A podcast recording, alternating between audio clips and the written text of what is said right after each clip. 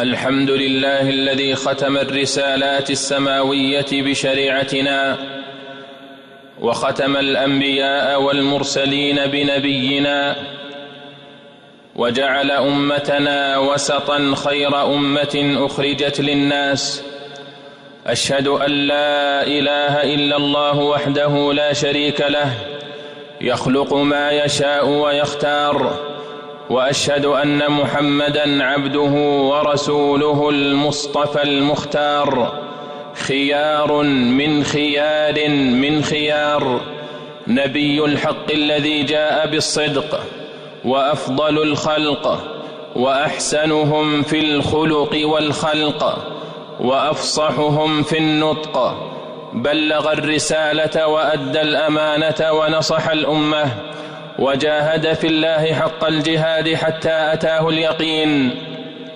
صلى الله عليه وعلى آله وأصحابه ومن تبعهم بإحسان إلى يوم الدين.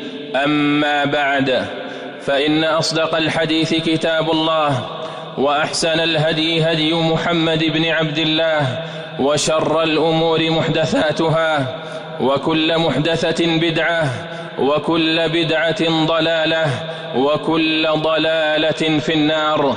يا أيها الذين آمنوا اتقوا الله حق تقاته ولا تموتن إلا وأنتم مسلمون. معاشر المسلمين الله يصطفي من الملائكة رسلا ومن الناس وقد اصطفى محمدا عليه الصلاة والسلام من أنفس المعادن والأنفاس وكرمه وفضله على سائر الناس وجعل هديه معيارا للفضل والقياس ما ضل وما غوى وما ينطق عن الهوى إن هو إلا وحي يوحى علمه شديد القوى ذو مرة فاستوى. أنقذ الله به البشرية من غياهب الشرك والجهل ودياجير الظلام. وانحطاط القيم والأخلاق وانتكاس الفطرة والتمزق والانقسام فكان حريصا على هدايتنا ونجاتنا وسعادتنا. قال تعالى لقد جاءكم رسول من أنفسكم عزيز عليه ما عنتم حريص عليكم بالمؤمنين رؤوف رحيم. وعن عبد الله بن عمرو بن العاص رضي الله عنهما أن النبي صلى الله عليه وسلم تلا قول الله عز وجل في إبراهيم رب إنهن أضللن كثيرا من الناس فمن تبعني فإنه مني. وفي عيسى عليه السلام إن تعذبهم فإنهم عبادك وإن تغفر لهم فإنك أنت العزيز الحكيم. فرفع رسول الله صلى الله عليه وسلم يديه وقال اللهم أمتي أمتي وبكى. فقال الله عز وجل يا جبريل اذهب إلى محمد فقل إنا سنرضيك في أمتك ولا نسوءك. رواه مسلم. وعن جابر رضي الله عنه قال قال رسول الله صلى الله عليه وسلم مثلي ومثلكم كمثل رجل أوقد نارا فجعل الجنادب والفراش يقعن فيها وهو يذبهن عنها فأنا آخذ بحجزكم عن النار وأنتم تفلتون من يدي. رواه مسلم.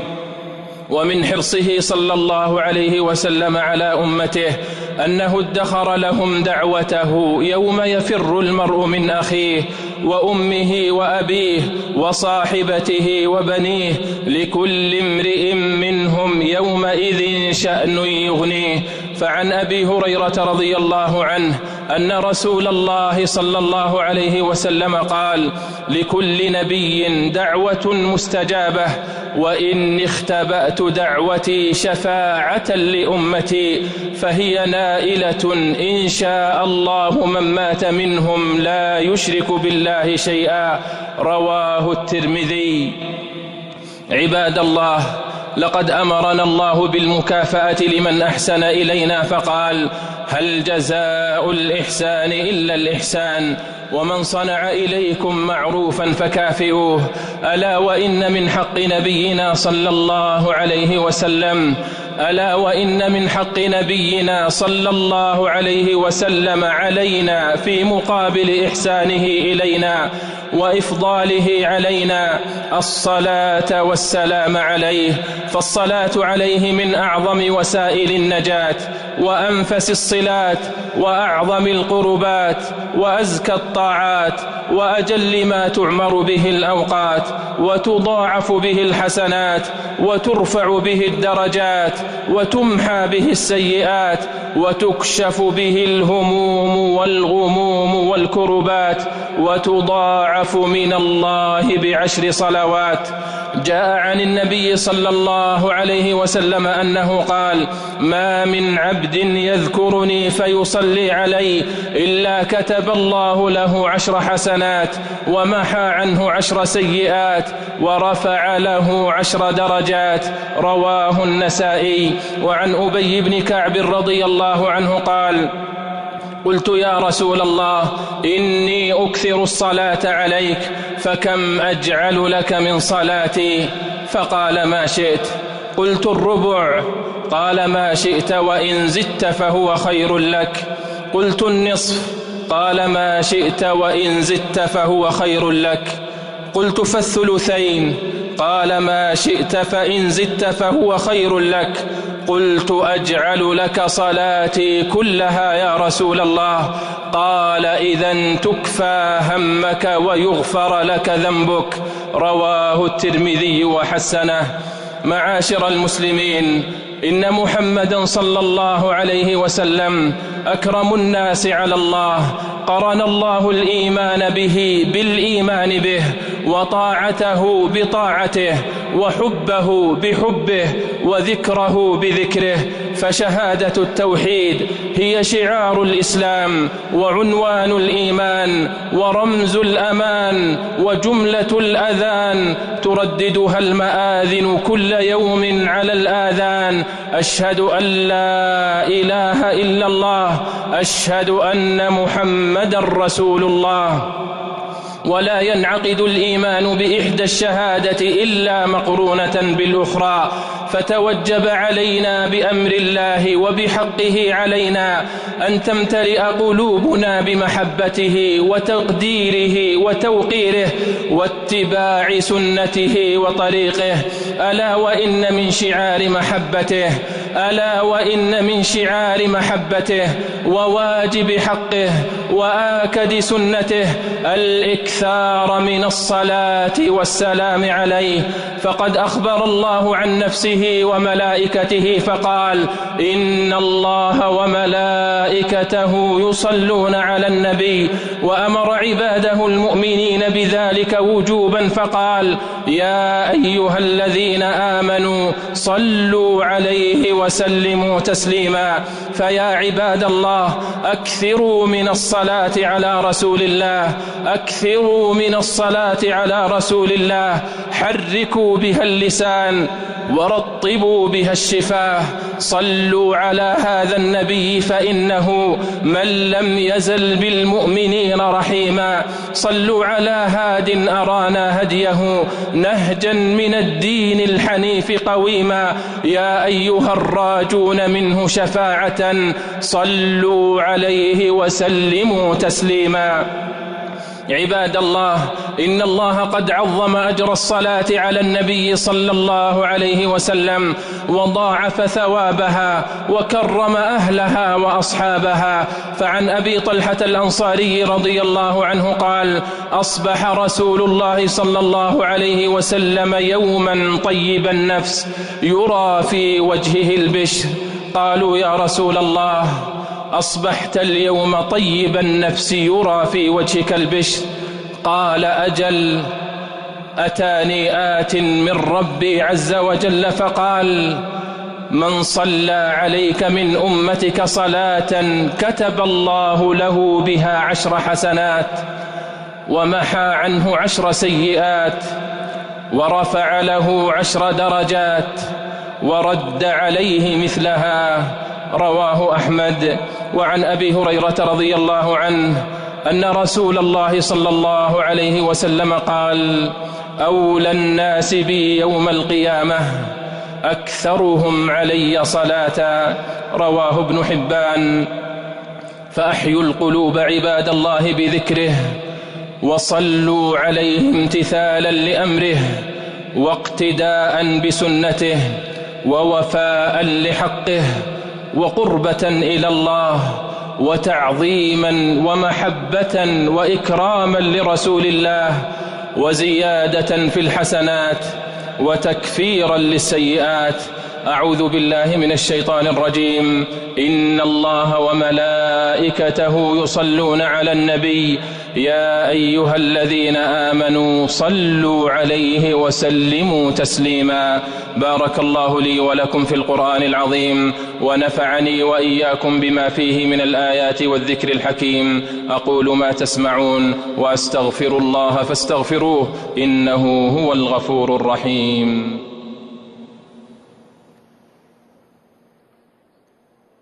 الحمد لله رب العالمين.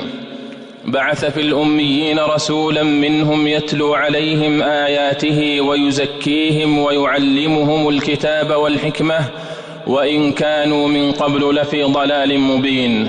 معاشر المسلمين إن من أنفس الدعوات والأذكار الإكثار من الصلاة والسلام على النبي المختار في الغدو والآصال بالعشي والإبكار فهي للمحبين سمة وعلامة وشعار وخاصة في يوم الجمعة. فإنه أفضل الأيام. فعن أوس بن أوس رضي الله عنه قال قال رسول الله صلى الله عليه وسلم إن من أفضل أيامكم يوم الجمعة فيه خلق آدم وفيه قبض وفيه النفخة وفيه الصعقة فأكثروا علي من الصلاة فيه فإن صلاتكم معروضة علي رواه أبو داود. فمن أراد من الله الثناء والإكرام والإجلال والإعظام وتذكره الملائكة الكرام ويرفع ذكره ودرجته والمقام. فليكثر من الصلاة على النبي عليه الصلاة والسلام. في كل أحواله وأوقاته وسائر الأيام وخاصة إذا مر ذكره في الكلام. فعن علي بن الحسين عن أبيه رضي الله عنهما أن النبي صلى الله عليه وسلم قال إن البخيل من ذكرت عنده فلم يصل علي رواه الترمذي وعن أبي هريرة رضي الله عنه أن النبي صلى الله عليه وسلم قال رغم أنف رجل ذكرت عنده فلم يصل علي رواه الترمذي. عباد الله إن الصلاة على النبي صلى الله عليه وسلم قربة غير مقيدة بزمان ولا مكان لكنها تتحتم في بعض الأحيان ومنها عند ذكر اسمه باللسان أو سماعه وقت الأذان. فعن عبد الله بن عمرو بن العاص رضي الله عنهما أنه سمع النبي صلى الله عليه وسلم يقول إذا سمعتم المؤذن فقولوا مثل ما يقول ثم صلوا علي فإنه من صلى علي صلاة صلى الله عليه بها عشرا ثم سلوا الله لي الوسيلة فإنها منزلة في الجنة لا تنبغي إلا لعبد من عباد الله وأرجو أن أكون أنا هو فمن سأل لي الوسيلة حلت له الشفاعة. رواه مسلم. معاشر المسلمين وتتحتم مشروعية الصلاة على النبي صلى الله عليه وسلم في عدة أوقات ومنها في التشهد الأخير وعند دخول المسجد والخروج منه وعند الدعاء وعند مصيبة الهم واجتماع القوم وبعد إجابة المؤذن وغير ذلك من المواطن والأوقات المأثورة. عباد الله إن الصلاة على النبي صلى الله عليه وسلم تحصل بأي صيغة ذكرت وبأي جملة ركبت وقد وردت فيها صيغ متعددة كلها وافية بالمطلوب كافية في الصلاة على النبي صلى الله عليه وسلم. فعن أبي مسعود الأنصاري رضي الله عنه قال أتانا رسول الله صلى الله عليه وسلم ونحن في مجلس سعد بن عبادة فقال له بشير بن سعد أمرنا الله تعالى أن نصلي عليك يا رسول الله فكيف نصلي عليك؟ قال فسكت رسول الله صلى الله عليه وسلم حتى تمنينا أنه لم يسأل. ثم قال رسول الله صلى الله عليه وسلم قولوا اللهم صل على محمد وعلى آل محمد. كما صليت على إبراهيم وعلى آل إبراهيم إنك حميد مجيد. اللهم بارك على محمد وعلى آل محمد كما باركت على إبراهيم وعلى آل إبراهيم إنك حميد مجيد. رواه مسلم. وعن أبي حميد الساعدي رضي الله عنه أنهم قالوا يا رسول الله كيف نصلي عليك؟ فقال رسول الله صلى الله عليه وسلم قولوا اللهم صل على محمد وأزواجه وذريته كما صليت على آل إبراهيم وبارك على محمد وأزواجه وذريته كما باركت على آل إبراهيم إنك حميد مجيد. رواه البخاري. أيها المحبون لرسول الله صلى الله عليه وسلم إن للصلاة على النبي صلى الله عليه وسلم من الفوائد ما لا يحصر. ومن الآثار والثمرات ما لا يحصى وفيها من مصالح الدنيا والآخرة ما لا يستقصى. وكلما أكثر الحبيب من ذكر المحبوب واستحضاره في قلبه واستحضار محاسنه ومعانيه الجالبة لحبه تضاعف حبه وتزايد شوقه وكان ذلك محفزا على اتباعه ولا شيء أقر لعين المحب من رؤية محبوبه ولا أقر لقلبه من ذكره واستحضار محاسنه وكلما أعرض الإنسان عن ذكره نقص حبه من قلبه ثم اعلموا عباد الله أن الصلاة على النبي صلى الله عليه وسلم قربة وطاعة معروضة عليه. فاحرصوا فاحرصوا أن تكون وفق منهجه بالاتباع وانأوا بها عن الغلو والهوى والابتداع. فمن عمل عملا ليس عليه أمر نبينا صلى الله عليه وسلم فهو رد. اللهم صل وسلم على عبدك ورسولك محمد. وارض اللهم عن خلفائه الأربعة أبي بكر وعمر وعثمان وعلي وعن سائر الصحب والآل وعنا معهم بمنك وكرمك وجودك وإحسانك يا أرحم الراحمين. اللهم أعز الإسلام والمسلمين واجعل اللهم هذا البلد آمنا مطمئنا وسائر بلاد المسلمين. اللهم آمنا في أوطاننا. اللهم آمنا في أوطاننا. ووفق أئمتنا وولاة أمورنا. اللهم وفق ولي أمرنا خادم الحرمين الشريفين بتوفيقك. وأيده بتأييدك. اللهم وفقه وولي عهده لما تحب وترضى. يا سميع الدعاء اللهم آتنا في الدنيا حسنة وفي الآخرة حسنة وقنا عذاب النار. سبحان ربك رب العزة عما يصفون وسلام على المرسلين والحمد لله رب العالمين.